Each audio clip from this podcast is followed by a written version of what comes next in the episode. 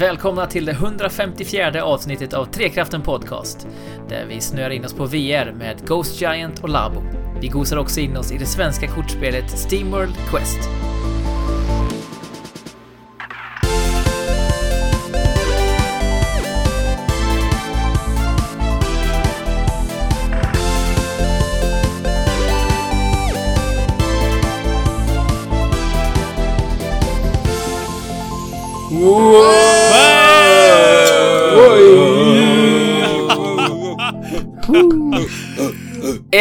Ett, fem, fyra. Det är inte att jag har eh, tappat bort med hur man räknar ner, utan det är avsnitt 154 av Trekraftens podcast ni hör. Med mig, Jesper Englin. Vi har Alex med oss. Tjenare, tjenare. Någon slags eh, trötthetsdimma i eh, Roslagen vill jag säga, men det är, är det Roslagen? Roslagen. Roslagen. Ja, räkna, vilket landskap bor du i Alex? Eh, nej, det är ju i Sörmland. Sörmland är det förstås. Ja. Mm. Så är det. Och vi har ju Andy i samma landskap också, tror jag. Jajamän. oväntat bytt landskap på senaste veckan. Roslagen är det inte i alla fall. Nej, jag tänker liksom att Trosa och Stockholm, men ni bor inte i Trosa ens, så att jag är totalt förvirrad. Jag sa det innan här. Jag vet inte om jag ska vara programledare för jag är väldigt eh, trött och snurrig, men eh, Ja. ja, vi får göra en sån här Trekraften-karta framöver och se eh, vart alla vi och lyssnarna bor och sätta såna här små Mm. eh, hjärtan med nålar som man ser liksom på en, på en karta vart alla befinner sig. Exakt. Frågan är om det kanske till och med skapas en, en trekraft när vi gör det. Tänk, tänk om. Kan det vara så? Jag vet i alla fall att, att eh, Fabian befinner sig i Sveriges största stad. Och det är i Stockholm. Eh, ja, Mm. exakt. Eh, och du befinner dig lite längre bort eh, från oss än vad vi gör varandra. Så är det. Ni, är- ni är ju någon slags trekraft även eh, geografiskt medan jag är här nere i, eh, vad ska man säga, mörkervärlden då. I Falköping. Vi kanske ska det. börja dela ut våra positioner, live-positioner, så man ska kunna tracka oss dygnet runt. det tycker jag. Det här har jag med min, eh, med min sambo och med eh, min nära vän, så att jag kan ju alltid hålla koll på vart de är. Med det här hitta vänner på iPhonen. Ja, det är alltid det tycker jag är kul. rimligt. Och, och, och stalka alla sina vänner. Det är ju kul. Det är kul. Ja, det är det. Jag tänker då behöver lyssnarna aldrig vara utan oss. Även de veckor vi inte spelar in så kan man bara titta på eh, vart vi är någonstans i alla fall. Mm. Och så kan man bara sådär ramla in i oss sådär. Och Ja, just det. bara, bara så här. Oj, råkade du vara här? Ja. Får, Vilken slump. Mm. får jag säga pass? Eller är det, är det tråkigt? För att, del, för att dela ut din information. Dela ut din plats, ja. Ja, alltså för nu har det varit påsk och i- under påsk så eh, är det ju vanligt att du samlas kring familjen och sådär. Och resten Mm. av min, min syskonskara har, eh, har delat platstjänster med allihopa så att de går liksom och de vet exakt var, var de är hela tiden. Mm. Och jag, jag är inte med i den, i den grejen och tyckte det var jättekonstigt att vilja Så- göra så. Så Men jag antar att liksom det blir lite en outsider då, i, i familjen då. Jag alla- blir, jag blir ju det. Men Mm.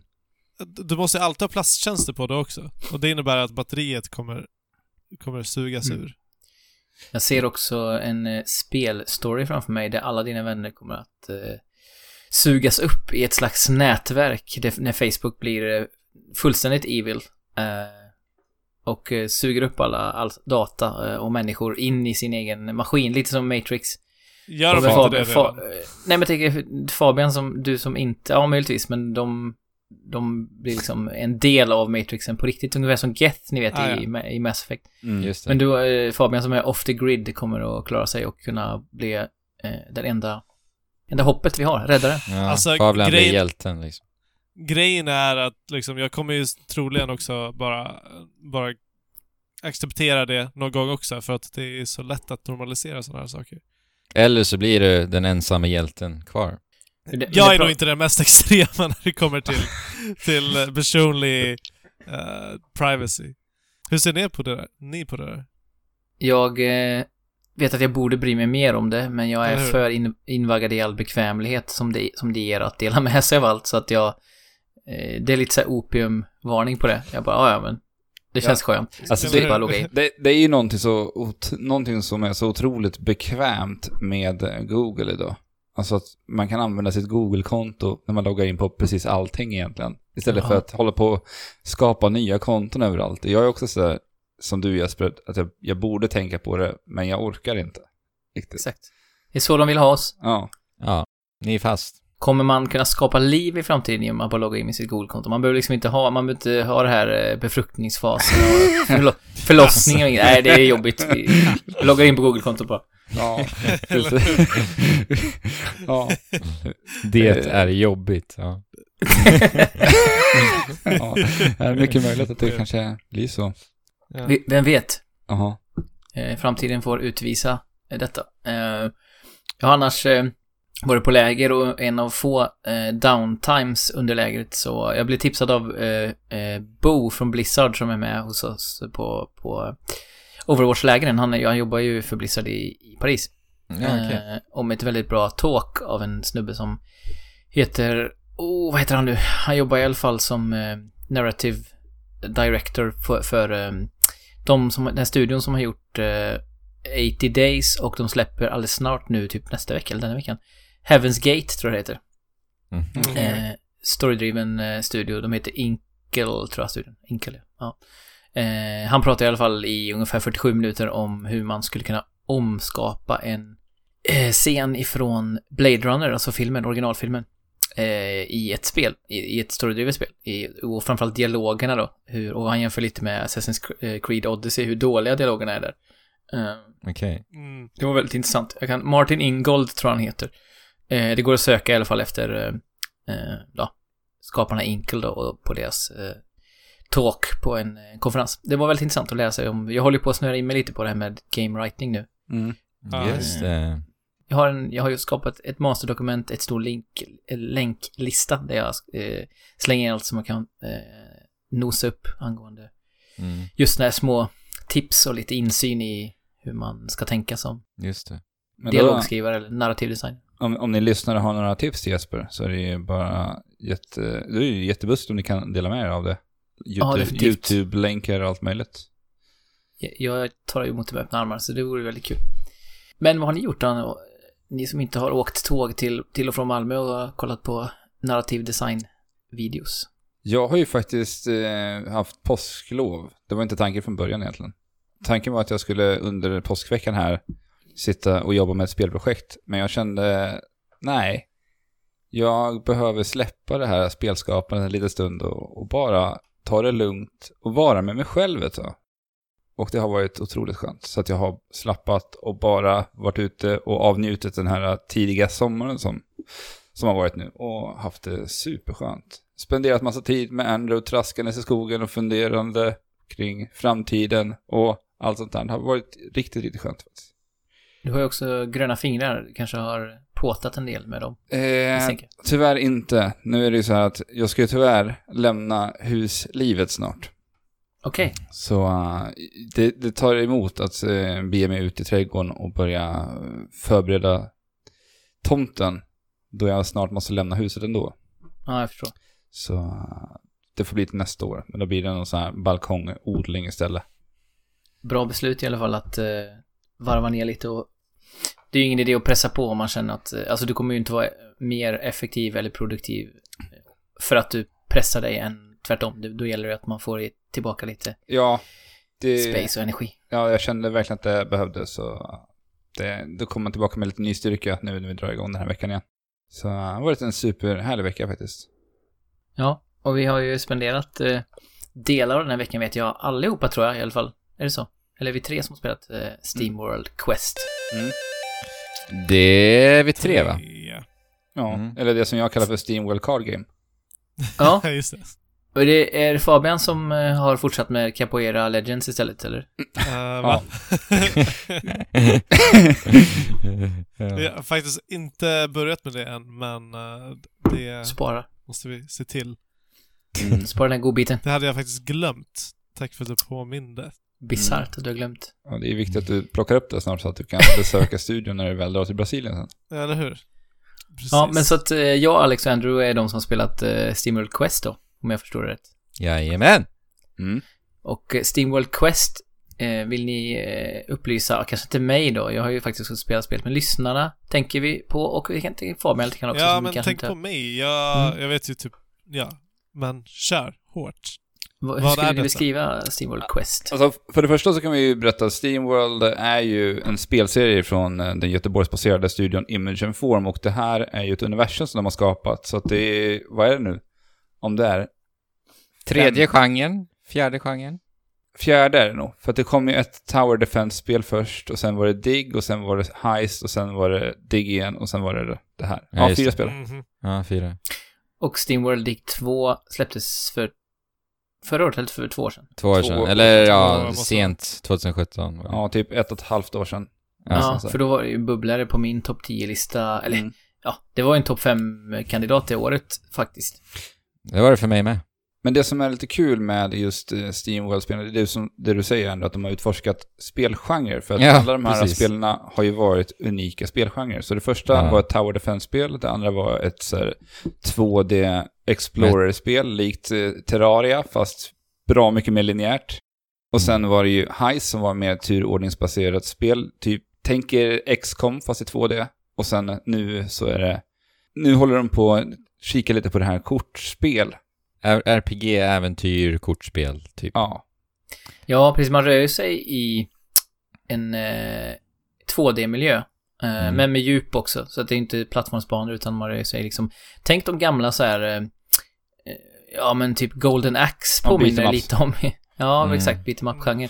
Precis. Eh, men där beat'em up-momenten egentligen är ersatta av kortstrider då. Så fort man stöter på en fiende eh, så hamnar man istället i någon slags... Mm. Ja, vad ska vi säga? Hearthstone-liknande kortstrid kanske. Jag har ingen aning på den frågan när du ställer det Jesper. För att jag har ju typ aldrig spelat ett kortspel överhuvudtaget.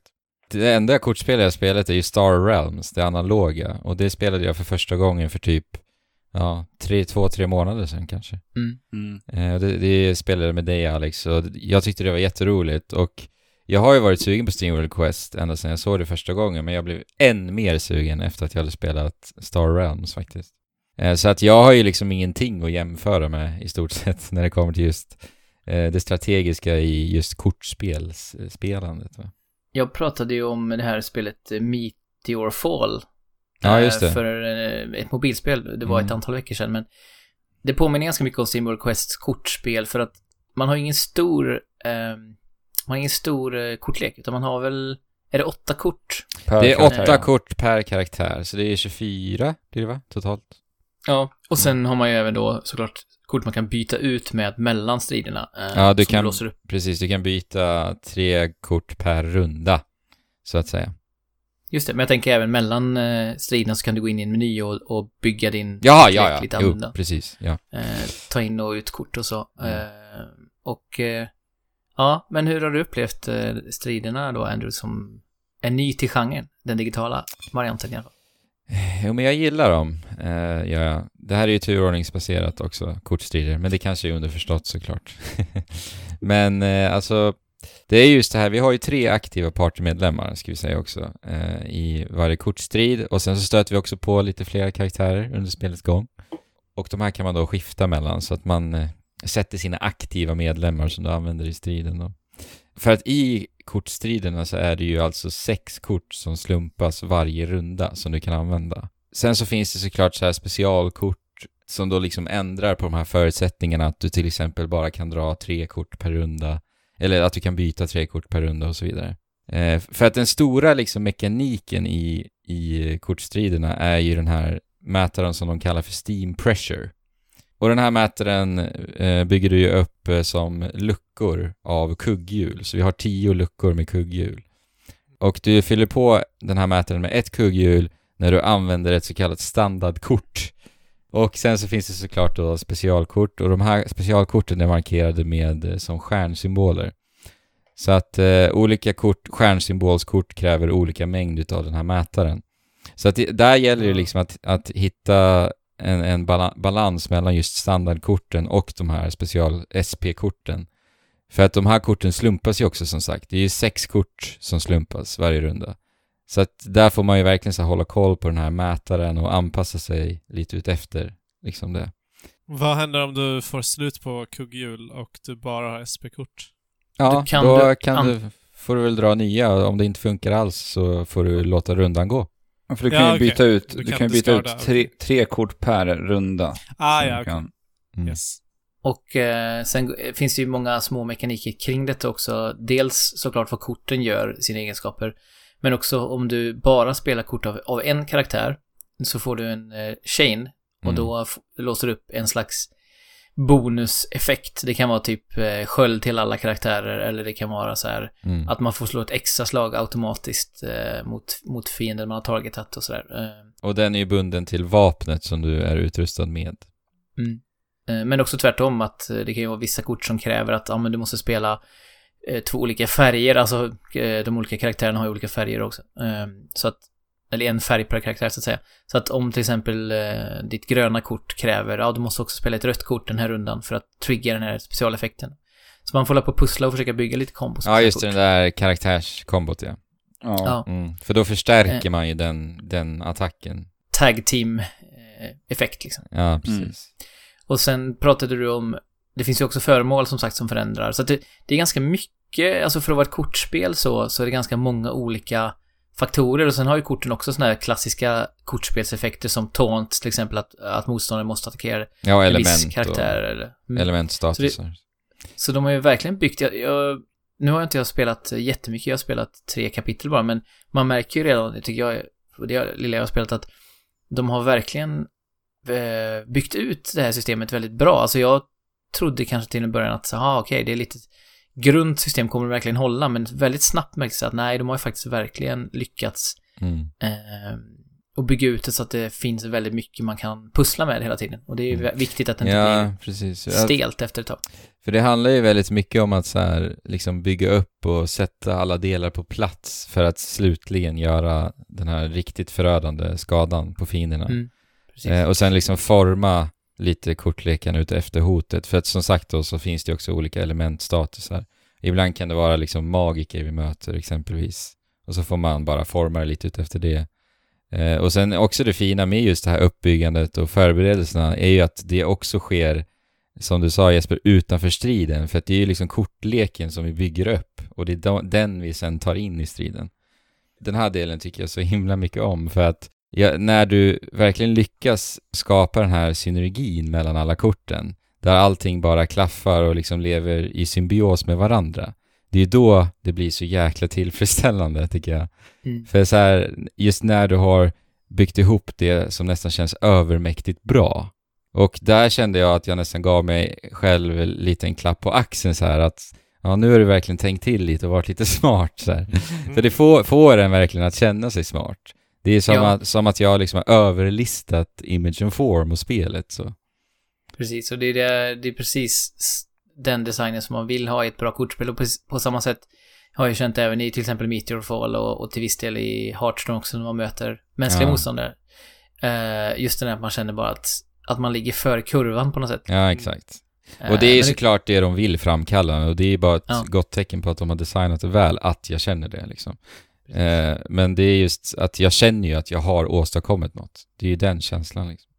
Sen går det också ju att både köpa nya kort och man låser upp nya kort när man eh, rör sig framåt i storyn. Så det finns ju ganska eh, gott om möjligheter att som sagt fortsätta bygga sin Ja, och fortsätta test, testa hela tiden. Alltså där tycker jag att Image and Form har gjort ett eh, riktigt, riktigt bra jobb. För att det finns många som kastar sig in i det här spelet som säkert aldrig har spelat ett kortspel. Typ som jag. Ja, men spelet, det spelet gör så himla bra här tycker jag är att det, det var ganska tidigt i spelet där det var, du kommer till en boss där det, krä, där det kräver att du ska spela mer defensivt. Men vid det här laget så har du inte några riktigt bra defensiva kort. Men så här, går du åt andra hållet, från den här bossen, så kommer du hitta en låda där du hittar de här defensiva korten. Och lägger in dem i leken så blir den här matchen mycket lättare. De har placerat ut de här korten så himla bra utefter vilka utmaningar som sedan presenteras för dig. Mm. Så att där har de verkligen tänkt till och gör det lättare för spelaren att tänka hur de ska bygga sin, eh, sin lek i den här striden som de kommer ställas inför. Ja, och det, det är också där det blir så här härligt eh, image and form beroendeframkallande. Det begreppet vill jag nu att vi, vi slår fast vid här. För de är så jäkla duktiga på att skapa liksom beroendeframkallande spelförlopp alltså. Det är precis densamma i Steamworld League Ja. 2 här senast. IFB. IFB, precis. Eh, för det är just det här, du går upp i level, du erhåller pengar, lite olika material. Med material kan vi liksom skapa till och med nya kort också. Eh, hos en liten handlare. Eh, och sen så som du sa Alex, att man springer omkring och hittar nya kort också i kistan. Och sen så vill man ju liksom in och pilla med kortleken och sen ut och hårdtesta igen med den här nya leken. Sådär. Sen så går det bara runt och runt det här hela tiden. Och just att de är också så jäkla duktiga på att skapa de här liksom små, små dopaminkickarna i presentationen. Eller med presentationen. Alltså det, Mm. det audiovisuella är liksom så otroligt inbjudande hela, hela tiden. Det ser otroligt snyggt ut. Ja. alltså, det det är speciellt för man, på vissa sätt så märker man ju att det är en liten studio, för man märker att så här, eh, ja men på något sätt så ser man att eh, det finns inte hur mycket budget som helst att bygga en värld eller, eller jobba på animationer och sådana saker, men, men de pusslar ihop de här bitarna på ett sätt, sånt sätt så det spelar ingen roll. Alltså det blir, det är tvärtom, det blir liksom en del av styrkan istället. Det blir en charm i att de Ja. klämmer ut minsta liksom krona ur varenda, ur varenda aspekt av spelet på något sätt. För jag, jag tycker när man tittar på Steamworld-spelen ibland, på till exempel på bild, stillastående eller så, och inte spelar dem, så kan man få lite intrycket av att det är lite budgetaktigt. Jag vet inte om jag är för elak när jag säger så, men som sagt, när man spelar spelen så försvinner den känslan. För det är så, Mm. så precis som du säger, det är så otroligt charmigt allting och dialogerna är så skrivna med jättemycket, det är väldigt knasigt hela tiden. Eh, Mm. Och det är distinkt per karaktär. Man känner igen karaktärerna. Eh, som här är ju då Armily som hon heter som är ja, bruten i gänget då. Hon är ju väldigt eh, en- enkelspårig med sitt, eh, med sitt hjälte, hjältemod Ja. och eh, sitt fokus på mat hela tiden. Eh, Ja men jag älskar hur hon bara ständigt går omkring och citerar vad ni gör liksom. Och sen så Ja. refererar hon till den här boken The Heroes Handbook. För hennes största dröm är att liksom få någon form av hjältestatus. och, och det är så charmigt hur, hur resten av gänget också så här liksom kommenterar och reagerar på det och så vidare. Jag tyckte det var så himla charmigt vid, eh, bara vid starten av spelet, när de liksom sitter och återberättar det här och läser det här ur en bok, alltså hela Steamworld, Steamworld Quest, vad heter spelet? Det är, det är inte fulla titeln ens. Nej det Hand här... av Gilgamesh. Ja, det, och de sitter och läser den här boken och sitter de i det, det Steamworld-universumet som vi har bekantat oss med och läser boken om de, de gamla Steam, Steam-botsen ja. som då Ja, har varit ute och var- krigat. Var i timelinen utspelar sig det här? För det är ju medieval Ja, stuk som sagt. ja precis. Ja, det är lite Det är mer... väl först. Ja, ja det måste ju vara först. Men eh, det, det finns ju en liten Dark Souls, alltså en liten, liten Dark Souls-aspekt av det här spelet. Det är att man, när man sparar eh, vid de här statyerna så eh, kommer ju alla fiender tillbaka som man hade besegrat tidigare. Ja, just det. Kan man exploita lite om man vill. Eh, jag gjorde det på första banan. Eh, det finns en, eh, en alternativboss på den banan, ett troll. Och då kan man gå två skärmar och spara och sen kan man gå tillbaka och besegra trollet. I, så jag levlade visserligen bara en level, men jag var tvungen att fightas mot trollet kanske fem eller sex gånger. Mm. Men jag, jag, jag tog och gjorde det för jag ville känna att ja, men jag ligger lite före kurvan återigen då.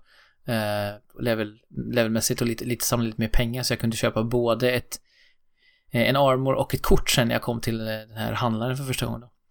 Ooh. Eh, så att, eh, lite kul för det är ju, ja, det är ju bara lite av en exploit, det är ju ändå inbyggt i spelet. Det är lite kul att man Mm. eh, har lagt till den aspekten. Ja. Nej men alltså, jag gillade verkligen kortspelsstriderna väldigt, väldigt mycket alltså. Eh, och just det där också jag pratade om när jag känner att jag verkligen har byggt mitt eh, super, super däck, va, kortleken. D- då tycker jag heller inte att det gör så mycket att jag liksom spöar det mesta på första försöket. För att jag känner ändå att, ja men det är ju min hjärna som har lyckats komma hit. Pres- prestationen ligger i byggandet och inte i stridandet Nej. i det läget. Exakt. För att jag klarade liksom sista bossen på första försöket. Eh, men det, var- det är ändå så här, ja, jag kunde ändå känna att, ja men min lek, det var den som gjorde det. Eh, sen finns det ju också en liten detalj som jag älskar, det är ju att det finns en dedikerad knapp för att spola upp striderna, snabba på Ja. striderna. Mm. Tack och Det lov. är bra. Ja. Och använder sam, även samma knapp för att springa när man tar, tar sig runt i den här. Precis, det hade de tänkt till. Ja. Ja, håller inne den mest hela tiden känner jag. Ja, Mm. faktiskt. Men det, Mm. det är bra. Men just det här mellan striderna, alltså det är ju väldigt, väldigt simpelt. Eh, och jag upplever att det är ju där för att ge dig en liten andningspaus mest, liksom, mellan striderna. Och för att göra någonting. Ja, men precis. Alltså skapa en liten större känsla av äventyr, helt enkelt. Men jag tycker det är väldigt bra just på det sättet, alltså om man ser det från den vinkeln så är det ju ändå en lyx att ha. De flesta kortspelen har ju bara så här någon liten eh, animerat porträttansikte möjligtvis som visar att, eh, som berättar om nästa del av storyn eller så. Så är det ju både i, i Hearthstone och även i eh, Elder Scrolls Legends till exempel så är det ju inte, ja de har väl någon liten kort eh, animerad sekvens möjligtvis i Legends men Mm. inte för att man ska jämföra de här spelen för mycket med varandra, men det är ändå...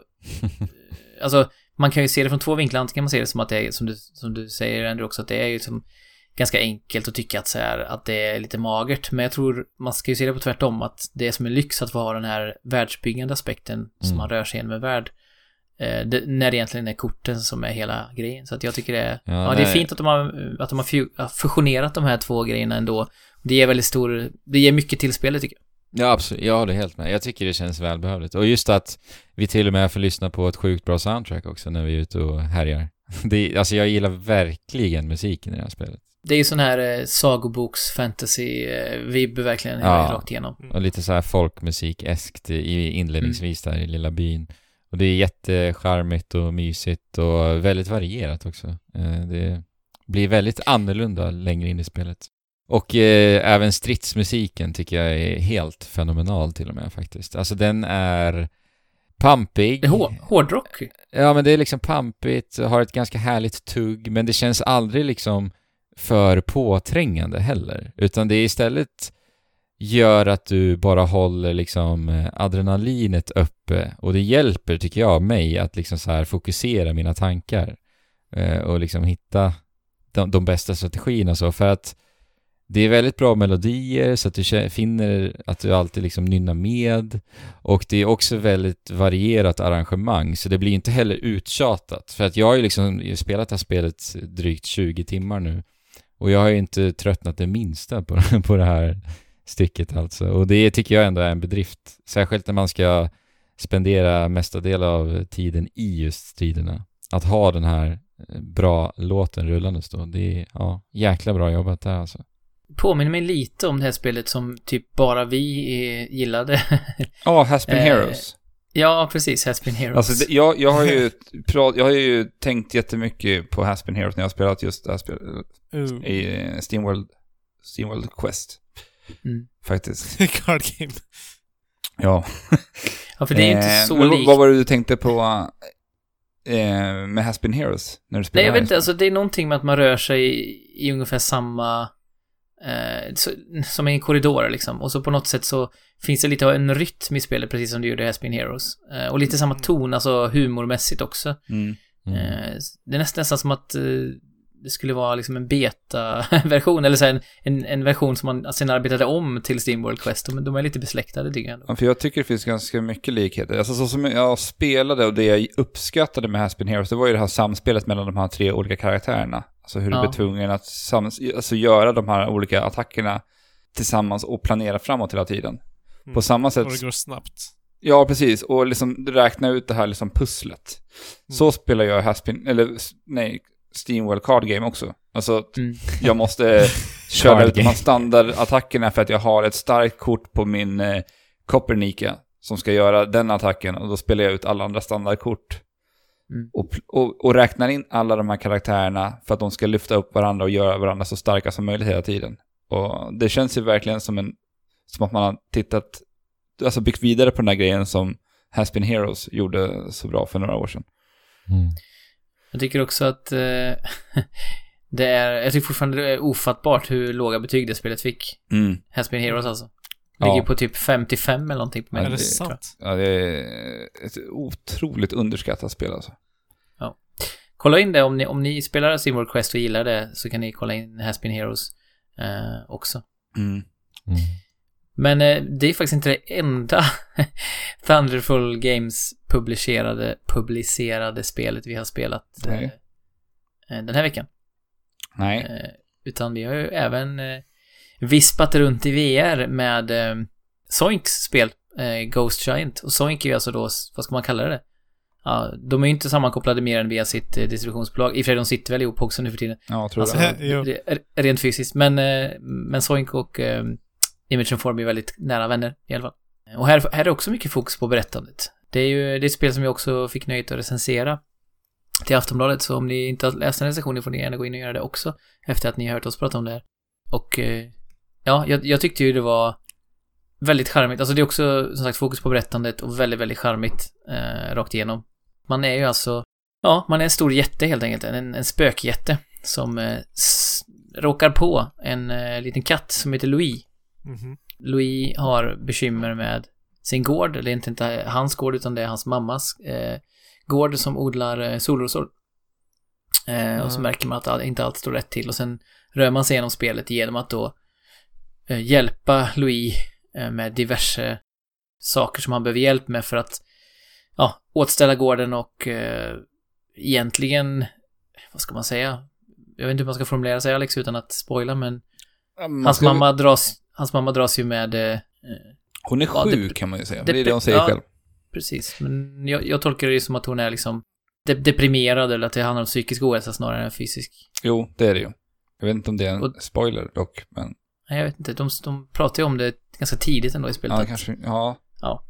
att det är någonting som inte riktigt står rätt till. Men ja, vad tyckte du om tonen i spelet? För de...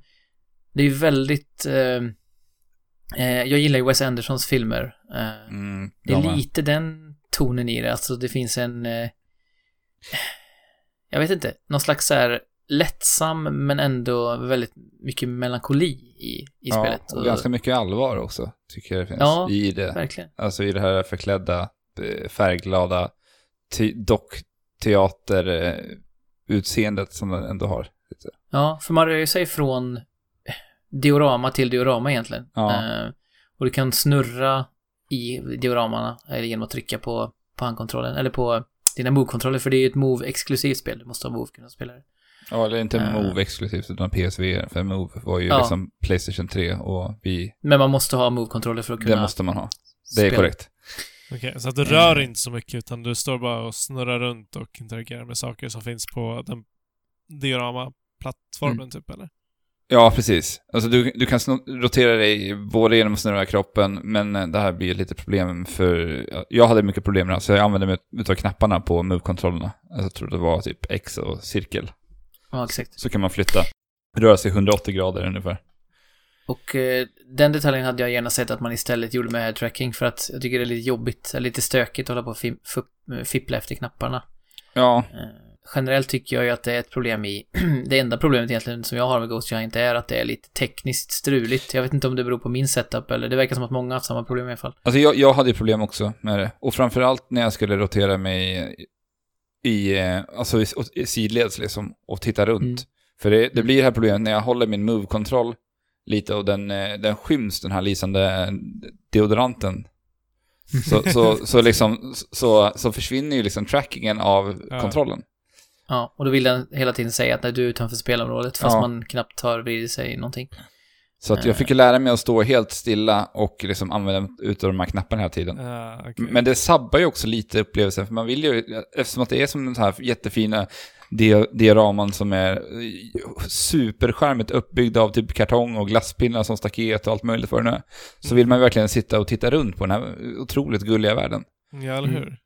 Man känner sig lite inkapslad eh, av just tekniken som sagt. Och det, som du säger, det, för- det tar ju en ur illusionen som man... Alltså det är ännu viktigare i ett VR-spel att man verkligen är i världen än Mm. så.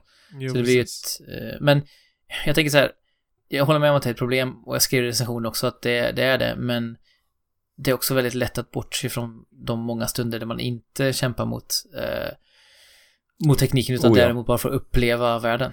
Oh ja. Det håller Det jag ser ju jättefint ut, men vad, vad kan man göra? Alltså vad, har ni några exempel på vad ni kan hjälpa Louis med? Det är väldigt likt så gamla äventyrsspel från 90-talet. Fast det Ja, görs liksom typ- i, eh, ja men typ Monkey Island och... Ja, peka klicka. den, den, ja. Och där du liksom ska göra olika uppdrag och hjälpa Louis genom, med olika uppgifter liksom. Som eh, tidigt i spelet så ska du hjälpa han med att dra upp solrosor för att det sparar ju väldigt mycket mer tid om en stor eh, sp- spökjätte drar upp dem än att lilla katten Louis ska göra det här själv. Ja, ju. Och eh, det är ju en väldigt så här eh, mekanisk känsla över det man gör också. Alltså, det är- påminner lite om Petson och Findus skrev jag också i recensioner för att det är väldigt Ja, mycket så här eh, små vrår och man kan till exempel på vissa banor kan man dra i spakar för att hela hussektionen, alltså som ett höghus, höjs upp och ner ur marken och vrids och öppnas. Och det är ofta det gör så att du vrider på en spak så att eh, dekoren så att säga, det är ju som en tv-studio nästan, eller vad man ska säga, där man vrider runt hela huset och så ser man insidan då när scenen utspelar sig. Mm. Eh, så att man slipper kika in genom fönstret utan man skär av liksom baksidan på huset och så tittar man in. Så att eh, det har en väldigt, eh, en väldigt distinkt estetik som verkligen funkar och verkligen är genomgående. De har ju eh, gått all in på den här lite franska dockhuskänslan eller vad man ska kalla det. Mm, Alltså det ser jätte, jättefint ut. Och exakt så som ni beskriver känslan eh, i spelet. Att det är lite dekadent liksom. Och, eh, Ja, alltså, det, är inte- ganska det- vuxet. ja. eh, Alltså med, med, med tonen, om man tittar på det bara så ser det ju ganska så här, som sagt, dockigt ut. Men också dialogen, hur karaktärerna uttrycker sig. Det är ganska Ja, mycket, som du sa Alex, att det var att det är... Alltså det är väldigt mycket dialog och det är ganska mycket så här...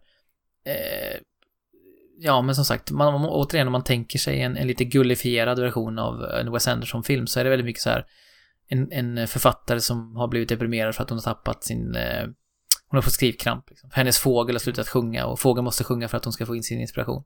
Mm. Eh, och då ska man hitta en hatt till fågeln så att den blir glad igen. Och det är så här, ehm, det, ja, det är svårt för det finns hela tiden en mix av det här totala, liksom, barnsligheten men också svärtan. Och det är väldigt Ja. fint. Jag älskar, jag älskar sån kontrast. Ja, det den finns ju, kontrasten och den mixen. vi det får ju. Vi får ju stöta på jättemycket olika, olika karaktärer i de här olika scenerna. För man spelar igenom Mm. olika scener som man skiftar mellan. Och det finns otroligt stor variation på personligheter och i de här olika karaktärerna. Och Ja. jag Ja. tycker att det är så charmigt hur de är så här, de är väldigt rakt på och presenterar de här väldigt snabbt vad det här är för typ av karaktärer också. Hur Ja. de är i deras personlighet, vilket jag tycker blir, det fångar Alltså- en så himla snabbt på den lilla korta stunden som man är där i den scenen. Det Ja. känns ju lite Animal Crossing fast när man tittar på det. Men eh, så kanske inte Mm. alls är när du spelar. Jo, men absolut. Alltså det är ju som ett, eh, som ett Animal Crossing för liksom eh, diggare av fransk dramafilm liksom. Ungefär så. Eh, och jag, eh, jag tycker, det, jag tror att det här spelet kan nog dela folk i två läger vad gäller dialogen för att, eller liksom berättandet. Jag tycker att det är fenomenalt bra. Alltså det, det är ju ganska mycket dialog som sagt och det är mycket så här, Men hur Eh. utförs den? Är det röstskådespelat eller är det gibberish eller är det bara... nej allt, allt är Ah, röstskådespelat. okej.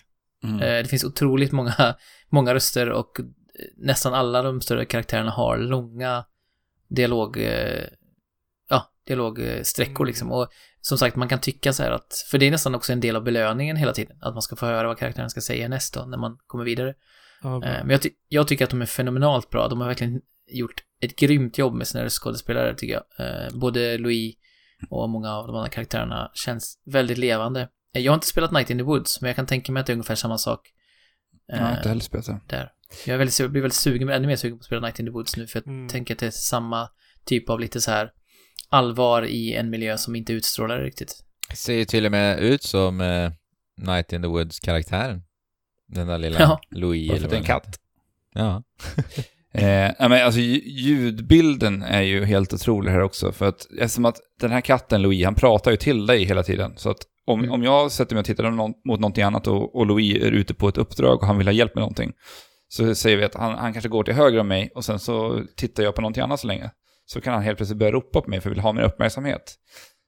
Och att höra liksom vart det här ljudet kommer ifrån. Där han står och ropar på mig. Det är också en sån himla häftig känsla man står i den här världen. Och bara vända sig. Nej men där står Louis och tittar upp på mig och vill ha min uppmärksamhet och vill, vill high-fivea med mig. Mm. Exakt. Fistbumpa eller göra Ja. en high five. Man Ja. har ju ett secret handshake eh, som man utför tillsammans. Ja. Ja. Eh, Det är mycket, mycket sådana små gulliga, alltså det är just den här kopplingen till mellan en själv som Ghost Giant och Louis som gör så väldigt effektiv med små, små eh, interaktioner mellan dem genom berättelsen på olika sätt. Mm. Som- Så upplever ni att det här spelet eh, känns som att det behöver VR-plattformen? Alltså det, det, Ja. det är Ja. så skräddarsytt liksom. Ja, det tycker jag absolut. Det hade inte alls varit samma grej om det här inte utspelar sig i eh, VR. nej, jag håller med. Just kopplingen till Louis och hela det här att få rota runt i diorama. Ja, och att du är det här spöket liksom. Som Mm. ska hjälpa honom. Så känns det så himla... Det känns eh, så perfekt för det här. Mm, bra idé alltså. Mm. Eh, och sen tycker jag också en annan sån här liten detalj som jag tycker bara att de har träffat så sjukt bra. Det är alltså när, när en ny spelare hoppar in i VR-värld. Det första de vill göra är att börja lyfta och kasta på saker och ting precis överallt. Ja. Och ja, då hur har de... det? Ja, alltså de har gjort det här jättebra för du kan plocka upp ganska mycket saker när Ja. du inte är inne i dialoger. För att när du är inne i dialoger så gör de det så otroligt snyggt att de liksom, hela, hela omgivningen blir liksom lite nersvärtad liksom. Och Aha. lamporna lyser upp den här scenen som är i fokus när, de, när dialogen Ah. förs, vilket är jättesnyggt. Och det, det bidrar ju ännu mer till den här teaterstämningen. Ja, just Och sen när, när dialogen är klar så lyses, kommer all färg tillbaka upp och du kan börja lyfta i stort sett all, alla objekt som ligger. Det är också roligt att man får eh, achievements eh, för att kasta iväg saker i början. Alltså du kan så här ta upp en bil och kasta iväg till exempel. Då får man Ja. en achievement för det. Och sen har Men- de ju de här olika små utmaningarna. Det var det jag ville komma till, att du, du kan hitta, nästan alla banor har en gömd basketboll. Och då finns en gömd basketkorg på banan också som du måste hitta. Så kan du träffa den här i korgen så får du en, eh, då har du hittat den. Och sen så ska man, kan man hitta små baggar och de kan ligga i, inuti hus, de kan ligga under stenar, de kan ligga lite överallt. Mm. Och sen hittar du hattar hattar. också. Mm. Som du kan sätta på alla byborna. Det, det är en liten charmig detalj som bara det- bidrar till upplevelsen tycker jag. Det är mycket knäppa hattar också som så här, man sätter det på en karaktär som är mitt inne i en allvarlig dialog och så har de en korvhatt på huvudet. typ. Det är så Ja. roligt. Men Eh, i, i de här scenerna, alltså står ni still med Ghost Giant eller rör ni er också omkring eller? Eh, du man kan kan ju bara röra snurra. Ja. Ja, men ni Ja, står men- fast på plats liksom. Ja. ja. Ja. Men är det fortfarande så här att ni kan röra er till andra ställen från ett ställe? Nej, utan det, Nej. Du, då rör du dig till en ny miljö. Du trycker på en vägskylt typ, Ja, och så kommer du till nästa miljö. Så du står alltid still, förutom den här rotationen då, så står Ja. du still. Ja, ja. Du, du, du, Men- du går liksom inte framåt i, på gatan eller så. Nej. Nej, nej, Nej, nej. Eh, men det är typ som, eh, som Monkey Island, som gamla, som, som du sa Alex. Att du Ja, liksom, när du går för, förbi skärmen så kommer, du, så kommer det laddas upp en helt ny ja skärm i precis. princip. Ja, och då Eh, går du till nästa scen. Så, Ja, precis. Vad Och i härligt. varje scen så kan du gå fram och tillbaka och sen så kan du kanske behöva återkomma till någon scen senare med något annat som du har hittat. Nej. Alltså. Nej, Så, så, Nej. så är det aldrig, utan du klarar av en scen och sen Okej. är den klar. ja. alright. Mm. Uh, Okej, Mm. så att du, det är liksom bara en väldigt linjär progression framåt. Mm. Ja, Eh, det enda är väl om du ska leta efter, eh, du kan ju välja kapitel och leta efter eh, de här eh, samlingsprylarna som Alex nämnde, men annars så finns det ingen, ingen anledning att gå tillbaka egentligen. ja, okej. Eh, men jag måste säga, jag är jätteglatt överraskad över det här spelet. Det, det är liksom sällan det har hänt med att jag har, jag äger ju ändå en vibe och har gjort det liksom sen den i stort sett släpptes. Ja. Men jag, jag, jag har nog inte befunnit mig i VR-världen och spelat ett och samma spel så här pass länge som jag har gjort med Ghost Giant. Och det måste ju ändå vara ett väldigt bra, bra betyg från min sida. ja. Jag, jag, ändå, jag, satt, jag tog det på två sittningar och spelade väl typ fyra timmar den sista vändan liksom. Så Alltså supermysigt. Jag tänker att det är relaterbart för alla och enkelt att spela för alla. mm. Eh, och speciellt folk som aldrig har testat VR någon gång måste tycka det här är helt amazing. Så nu finns det alltså två Playstation VR exklusiva spel som jag och Alex har spelat på Fabians Playstation VR. Och vad har Fabian spelat på din Playstation VR? Som är bra alltså, två bra PSVR-spel. Ja. och Fabian, Astrobot, Astrobot och eh, Ghost Giant. ja. Mm. Har du Astrobot fortfarande Jesper? Ja, du, du ska få tillbaka det, det ligger här hemma och, Har du eh, spelat skulle- det eller? Jajamän, jag har ju klarat av det. Jag har pratat om det i podden väl? Nej, Jag tror det. det har du inte. Det, Jo, nej, det, har, det tror jag jag inte att du har. Jag har inte ens hört, Nej, jag- jag har inte hört vad du tycker. Ska vi gå in på då? Nej, men alltså, Nej, men- du kan väl säga Nej, men- kort om det är magiskt eller blaja. nej, nej, men det är ju, det lutar ju mycket mer åt magiskt än Blaje. Ja. Alltså det är just det här upptäckarglädjen och det är ju det är mycket mer slipat eh, i form av eh, tekniken. Man märker ju att, eh, att det har varit en, en större studio som har utvecklat Astrobot än vad det är, än vad det är Mm. Ghost Giant. Just för att de tekniska hiccupsen är minimala och det är väldigt lätt att återställa när man märker att det blir något strul. Mm. Eh, nej men just som sagt upptäckarglädjen i, i Astrobot är ju i nivå med de, spelen som vi pratade om tidigare i form av Mario-spelen och andra. Mm. Alltså just hur kreativa och man, de återanvänder nästan inga idéer utan det är hela tiden sprudlar av nya Mm. eh, inslag. Om, jag, om jag säger så här då, den mörk, mörka banan, visst var den häftig? eh, Den natt, var det den nattsvarta. kyrkogårds... Ja, precis. Kyrkogårdsbanan. Ja, alltså jag, tyck, jag tyckte nog att ehm, eh, banan med Valen, eller? hajen, ja precis, Ja, den var häftig också. var, Med vågorna. var bäst. Ja, och jag tyckte det var jobbigt eh, att vara, jag tycker ju djupt vatten med djur i är läskigt. så Ja, jag tyckte det var jobbigt. det tycker men, jag också. eh, Ja. Men ja, absolut. Alltså, mm, jag var nog inte riktigt lika begeistrad av Astrobot som, som du var, vet jag Andrew, men Mm. definitivt ett riktigt bra spel och det finns ju, nu, fin, nu börjar det finnas liksom ett till eh, bibliotek i PCVR för att berättiga att man faktiskt köper den. Jag har ju en, eh, jag har ju Aftonbladets eh, variant hemma så jag har inte köpt den själv men men eh, nu finns det ju ändå som sagt en handfull titlar som man bara kan spela, eller så här, det är klart att man kan spela eh, Tetris Effect även utanför VR, men jag tycker att det är en sån enorm upplevelse i VR så att Mm. Eh, Det är det Astrobot, ja men Ghost Giant eh, kval- kvalar in där absolut med sin, med sin sagostämning och sitt otroligt bra berättande. Jag känner, Beat, Sa- Beat Saber också som inte jag har spelat ännu i och för sig. jag känner att det är dags för mig att eh, ta tag i det här med PSVR eftersom att jag har varit så himla neggig till... eh, Ja, Det är ju din ändå, som vi har spelat på. Du har inte rört Ja, någonting annat förutom det, det VR roll. Worlds. Men det, det jag har spelat så har jag bara gjort mig, har gett mig sån avsmak för PSVR. Ja. Eh, och jag, och alltså, jag, jag har inte gillat systemet överhuvudtaget men nu när den har fått växa upp lite och få liksom ta sin plats på eh, spelmarknaden så kanske, så kanske det är dags för en redemption. Mm. Alltså bara, bara spelen ifrån eh, Mitsuguchi, alltså det vill säga eh, Res HD, eller Res Infinite menar jag, och eh, Tetris Effect. Det är ju värt liksom entrépengen. Det är två av de coolaste spelupplevelserna jag har haft på senaste åren alltså. Det är värt att köpa en PSVR för de här Res och Tetris Effect. Ja, jag tycker det. Alltså, Oh god. För det är kanske speciellt att jag också älskar den här typen av eh, minimalistiska, eh, rytmbaserade spel. Jo, alltså Så, jag tror jag men, skulle eh, älska det också. men det är verkligen, ja, två. Och sen så Beat Saber, det, jag, jag tänker på det nästan varje vecka. Vad det är också så spel jag vet att jag... Det är ju vad det låter som egentligen.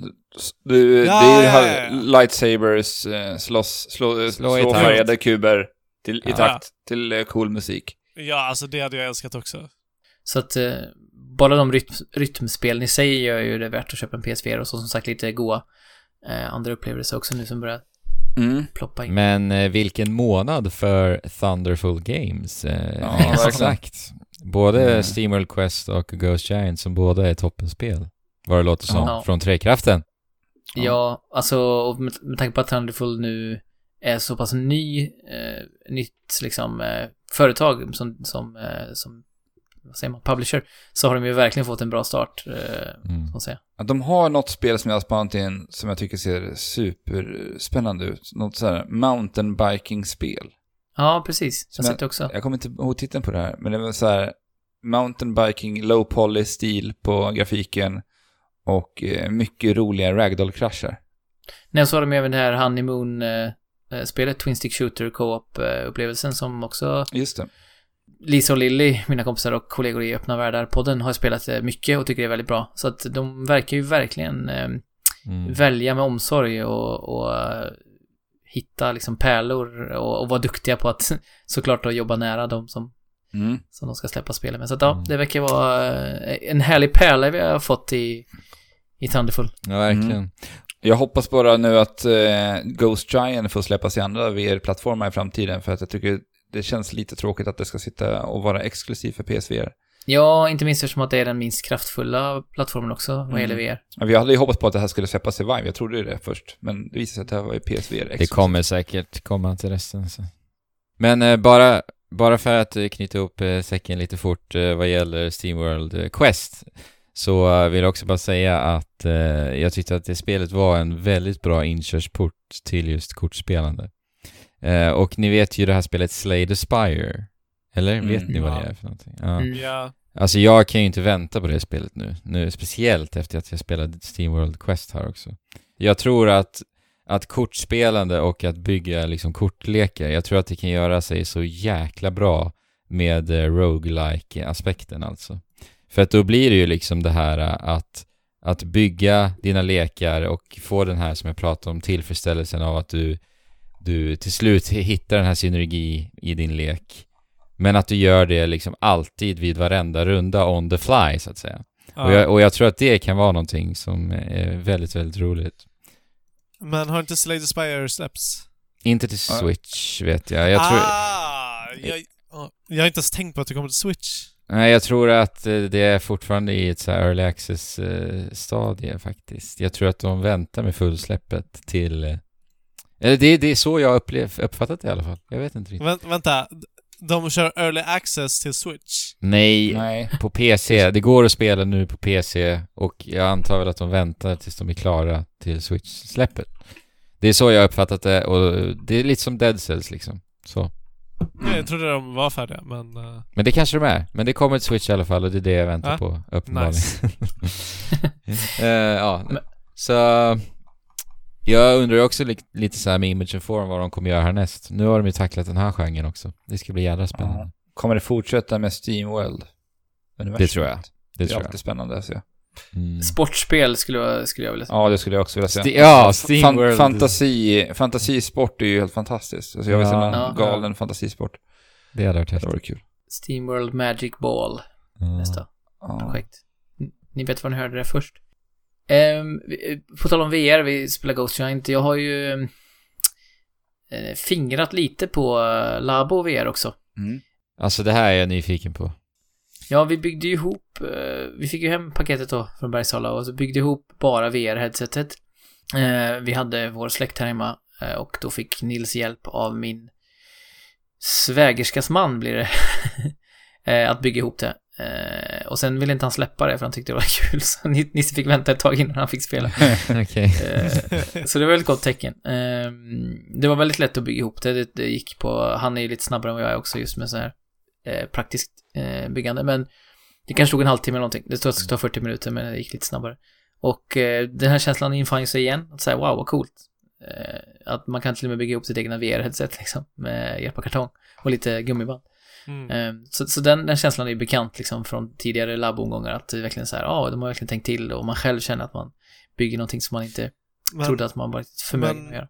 hur skiljer det sig från Google Cardboard då? Ja, jag har inte testat Google Cardboard så jag har ju ingen aning men eh, man får ju med en, man får ju med en lins liksom. Och det är väl det Så- som de kör i Google Cardboard också. Ja, okej. Så man sätter inte telefonen rakt på så att säga? Nej, man har någon lins som förstorar. Ja. Ja, för det, den liksom gör ju det här så att det blir någon form av, vad är det, stereoskopisk 3, 3, vet du, 3D eller vad det Mm. Mm. Eh, men, eh, och så testade vi lite grann, väldigt, väldigt lite bara, ja, det är mest Nils som har testat, men det finns ju ett antal så här VR-spel som kommer med när man bara har byggt headsetet. Eh, den stora anledningen till att vi byggde ihop headsetet var egentligen för att vi skulle spela eh, Breath of the Wild som är också ett av Nils absoluta favoritspel och ja, topp tre någonsin för mig. Eh, för man ska kunna spela hela spelet i den här eh, VR-funktionen. Det, är är väldigt spännande bara att se hur det ens blir, liksom. hur, hur kommer det ens funka? Eh, men till min besvikelse så insåg jag ju det jag hade läst innan egentligen också, att det släpps ju inte förrän egentligen två veckor efter eh, Labo VR i sig själv, vilket är lite synd att de inte hade kunnat tajma det istället, för man vill ju liksom hoppa in i det direkt. Eh, Men det är ju Men- för att men- de vill att du ska avnjuta det som Ja. de vill att du ska prova först och sen Men- får Exakt. du den godbiten. Men Exakt. eh, är det inte Men- så att det här VR-headsetet till Labo inte har några headstraps? Jo, eh, om du inte gör så att du sätter stora gummiband på dina öron och på dina joycons eh, och på så sätt spänner fast det. För jag tänker ju att om du ska Eh. sluta spela Breath of the Wild så sitter du där ett bra tag. Så antingen får du göra på det sättet eller be Nils då hålla upp eh, VR-headsetet åt dig. Ja. Eller så Eller tänk- lägger... Eller så tänker jag att du lägger- bygger upp en, liksom en kopia av den gamla Virtual Boy, alltså stativet till Virtual Boy, i kartong. Så Ja, att vi kör alltså den det- gamla stilen, får sitta liksom vid ett bord och placera upp VR-headsetet på den här ställningen. Jag tror ju Nintendo, för det är det som Nintendo vill göra här, att man ska bli kreativ med Labo och faktiskt bygga ihop sin egen eh, Ja, jag har sett, strap. sett folk som har gjort det. ja, för att eh, alltså man håller ju upp då eh, som en, eh, det var någon som jämförde med en Viewmaster, ni vet sån här gammal Ja, röd grej som man Ja. trycker på nya bilder, Ja. sitter man på dem. Eh, det är så liksom, man håller upp den, man håller liksom joycons vid, ja men vid sina liksom eh, öron i princip. och så du spelar så. tittar man i. Eh, och det är ju galet liksom, att man ska sitta så och spela. Eh, Ja. Nintendo gör, gör sin take på, på det här som vanligt. Och det här, jag vet inte, de brukar alltid göra en genialisk take på det, men jag vet, det känns mest som en eh, halvbakad variant. Eller liksom så här, "Ah, ja, vi får göra så här för vi har ingen annan lösning på det riktigt. Eh, Men har du hoppat in någonting eller? I världen? ja, lite, lite grann. Alltså det enda jag upplevt är väl egentligen att upplösningen är väldigt låg. Men det okej, klart. men jag, jag är nyfiken på att veta hur känns det i relation till priset? Alltså det kostar ju ändå 400 kronor om du köper spe- Labo VR utan att köpa hela kittet så att säga. Fy... Jag måste nästan återkomma angående spelkänsla, för det, alltså på något sätt säger så tekniken, ja, ja, den, den kommer vara sämre, man vet det. Jo, Nintendo överlag, men det som, det som eh, avgör ju om det, om det finns en genialitet i spelupplevelsen. Liksom. Eh, och det, det kan jag inte riktigt svara på än, för jag har spelat alldeles för Nej. lite av det. jag är så jäkla sugen på att prova det här själv. Alltså. Ja, men vi, vi kan väl, eh, vi kan väl göra en switcheroo så du får testa det också. Jag har inte kommit loss. Det har ju varit mycket också med, med vårt första e-sportläger också är det, så det har varit mycket. Och sen har jag varit magsjuka dessutom i en vecka med familjen, så att allt roligt händer på en gång. Eh, alltså, det, det, det lät väldigt dumt. Det lät som att jag menar jämställde läger och kräksjuka. Det var ju, det var ju sina varandras totala motsatser snarare. Ja. ja. så jag menade. Eh, för att eh, e-sportläger med eh, 35 stycken kids och framförallt tjejer då, och tjejer och icke-binära i det här fallet. Mm. Som verkligen så här strålar av att wow, att vi får en sån här möjlighet liksom. De är så ovana vid att bli så välkomnade i den här Ja. miljön, vilket är väldigt häftigt. Och jag har inte riktigt samma upplevelse så som Lisa och Lilly har, för de är ju liksom, har ju själva växt upp med det här motståndet på ett annat sätt än vad jag har gjort. Eh, men just styrkan i att de får sitta i en eh, diskussionsgrupp. Vi spelar ju in då deltagarna för att kunna eh, transkribera deras upplevelser sen och sammanställa. Sitta där i en grupp då med kanske 8-9 ungdomar och bara höra deras berättelser var väldigt starkt för dem. Jag var inte med då, utan jag, jag höll i en annan typ av workshop då, men där de faktiskt fick bygga sina egna spel för övrigt. Vi hade ju, vår grupp fick från scratch bygga sina egna spel med instruktion att de skulle vara så tilltalande för dem och inkluderande mot ja, den gruppen som de var så att säga. Eh, och- tjejer och icke-binära. Och det var så himla häftigt att se hur eh, olika upplevelserna blev. Det var ju nio olika spel som designades då. Jaha. Eh, Häftigt. och ja, det var riktigt coolt. Och fick se dem presenterade i olika former i Google-presentation då. Mm. Det var fascinerande. Många så här nya funktioner som man inte hade tänkt på tidigare som bara, ja, det är självklart, den här, funktionen borde man ju ha i en e-sport-titel. Jaha. Nice. Bland annat ett coaching, coaching-system som de hade arbetat ut väldigt noga. eh, Att man skulle få kunna köa för att bli coachad i spelet. Och, och även då att coacha. Eh, Mm. Och få Mm. belöningar för, för det. Det var väldigt spännande. De var väldigt duktiga. Cool. Så, Det är bara Men, att reapa all ung kreativitet. Ja, vi anställer dem allihopa. Ja. Men, eh, så det var, det var svaret på eh, hur Labo VR kändes. Du får, som sagt, vi, vi skippar över det till dig vid tillfälle så får du, eller ni också, testa det. Eh, och se hur det känns. Men vadå, att skeppa över Labo är ganska bökigt med tanke på... Nej men jag tänker jag, jag tar med mig den lilla lådan och lämnar till dig nästa gång vi ses. Ja, alltså alla kit, alla... Du menar att du inte ska bygga ihop det, utan jag ska göra det? Är det det du menar? Va? Det beror, det beror på om du vill bygga Nej ihop men, jag, eller nej inte. men jag menar det är ganska bökigt att, att du ska ta med dig fem olika stora... Snablar Ja. och häst, eller Han, fåglar. han och kommer med en sån stor IKEA-kasse, Ja. det rymmer ju allt. Precis. Borde du göra. Jag kommer custombygga en liten vagn som jag kommer med. Ja. ja. Vi får, vi får se, vi, I vi får se vi ska, Ja, precis. Jag kommer cykla i en kartonggjord, eh, bi, så här liten trampcykel. Eh, eller så här bil, trampbil. Ja. Men eh, nej, men vi får se vad det är så rent, rent logistiskt. Men jag tycker i alla fall att du ska eh, få ta del av det på något sätt eh, Ja. och testa, testa det. Eh, Verkligen, tack. För jag fram känner att det har hamnat lite i kläm hos mig just tidsmässigt så, Ja. så det är för det. Men ehm, vi har väl, har vi något mer spel vi vill prata om? Jag har ju spelat lite Ori and the Blind Forest sent om sidor och det är ju verkligen en skämshög deluxe. Ja, det är ju på Och det tiden. lilla, ja, herregud vad det är på tiden. Eh, En favoritgenre också. Och jag, jag satt och spelade hela vägen hem då från Malmö.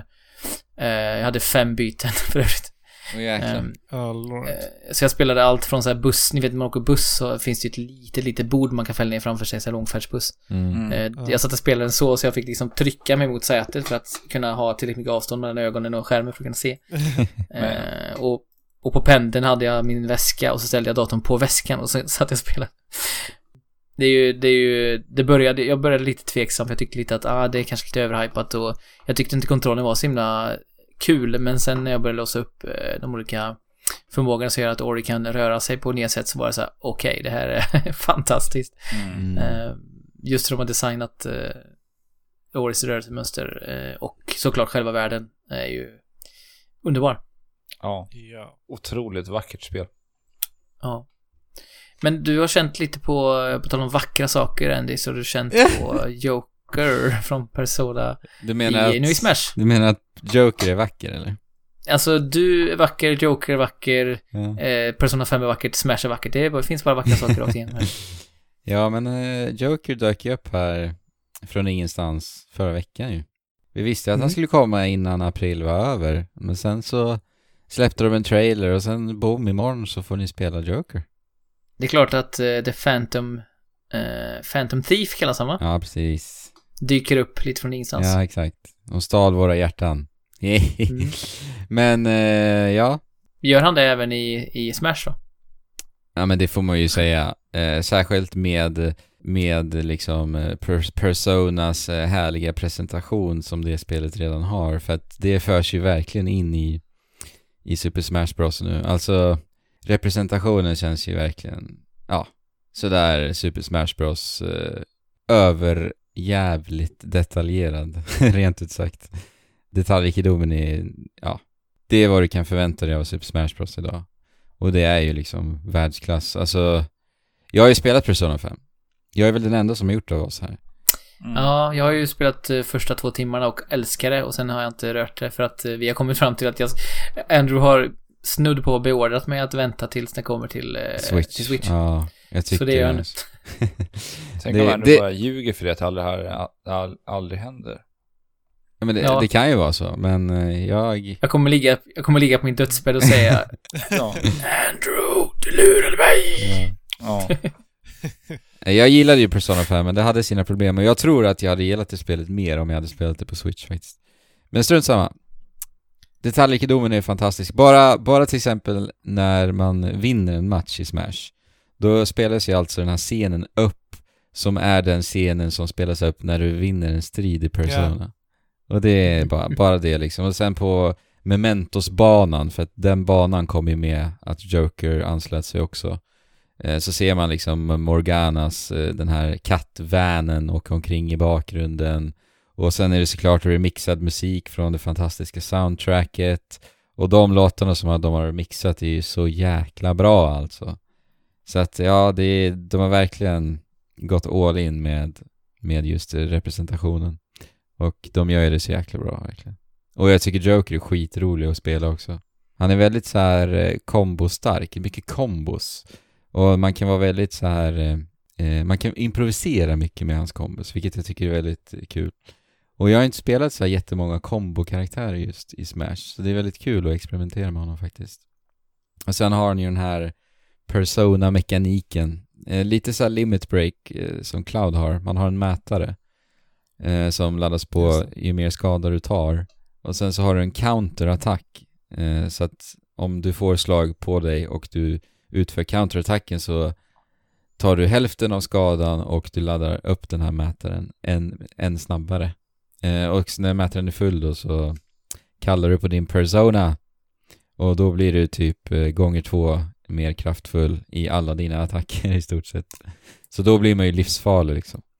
Eh, Så det är en ganska häftig dynamik där att, att liksom ladda upp tills att du får din persona och sen när du har din persona, det är lite då du ska gå för de här kill-attackerna. Ja, jag läste att någon skrev det att eh, han är svår att eh, avsluta folk med utanför Persona-fasen så. Ja, han- det är lite bökigt. Men han är väldigt snabb å andra sidan och om man är tillräckligt liksom teknisk så kan man ju döda dem rätt eh, flitigt även som bara Joker. Men det är svårare generellt är det. Han är jätterolig tycker jag. Jag kommer nog lägga ner Mm. ganska mycket tid på honom faktiskt. Ja. Det ska ju bli, nu, när Joker är eh, i spelet och så ska det ju bli intressant också att se och rikta blicken mot de andra karaktärerna. Är det fyra till som ska komma? Det är fyra till. Så det ska bli intressant att se nu då vad, vad som kommer härnäst. Om det blir lika lång uppbyggnad eller om de bara Mm. Eh, släpper nästa karaktär snabbare eller ja, hur, hur de nu tänker göra. Mm, jag tror det kommer gå lite snabbare med nästa. Och E3 lär väl bli eh, som tidigast. Där vi får Ja, veta. och då, och då tror vi att det är eh, Steve från Minecraft. Alltså jag hoppas ju på Monster Hunter-karaktär alltså. Ja. Det är det jag vill ha mest. Mm. Grisen. Grisen ja. Vad heter han? Puggy. Ja. Jag ser, eh, på tal om... Ja, det kanske inte riktigt är spelrelaterat, men jag tror att eh, Greta Thunberg har varvat Twitter i alla fall precis här.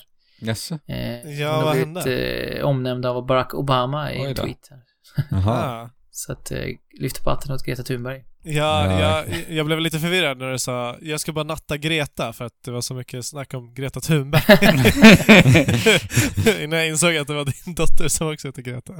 Ja. Nej, eh, hon har inte riktigt nått den eh, aktiviststatusen, men jag jobbar på det. Hon har ju fått rätt namn i alla fall. Ja, just det. Ja. Ja, men som sagt, Joker eh, smälter gott in i eh, Smash-universumet och kanske inte helt överraskande att det skulle bli så. Nej, toppen. Toppen.